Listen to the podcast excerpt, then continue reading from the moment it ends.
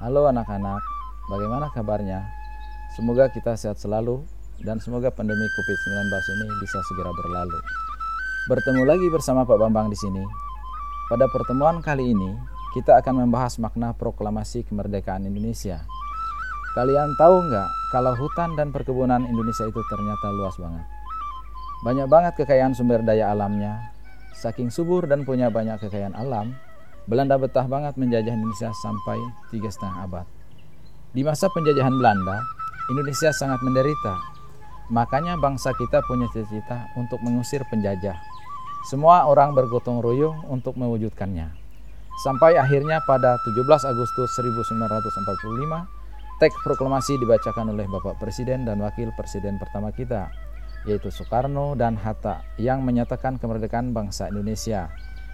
Teks proklamasi itu ditulis di rumahnya Laksamana Tadasi Maida di Jalan Imam Bunjol nomor 1 Jakarta Pusat. Para penyusun teks proklamasi itu ada Insinyur Soekarno, Dr. Andes Muhammad Hatta, dan MR Ahmad Subarjo. Selain itu, ada juga tokoh Indonesia lain yang ikut hadir. Di antaranya ada BM Dia, Soekarni, Sudiro.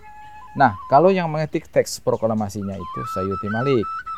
Kalau udah merdeka, Artinya semua negara di dunia yang udah merdeka duluan perlu menghormati Indonesia karena udah punya kedudukan yang sama.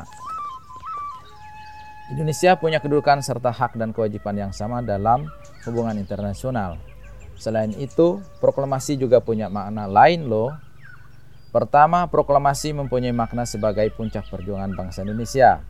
Kedua, proklamasi sebagai awal terbentuknya Negara Kesatuan Republik Indonesia atau NKRI. Ketiga, proklamasi kemerdekaan sebagai titik tolak perubahan hukum kolonial menjadi hukum nasional. Dan keempat, proklamasi menjadi gerbang menuju masyarakat yang adil dan makmur. Wah, hebat banget ya Indonesia. Kita mampu mempertahankan kekayaan dan sumber daya alam yang kita punya dengan berani melawan penjajah. Kita harus bangga tinggal dan menjadi warga negara Indonesia. Gimana? Seru kan pembahasan hari ini?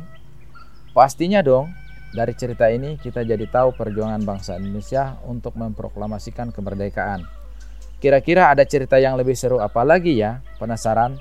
Tunggu podcast Pak Bambang selanjutnya. Ya.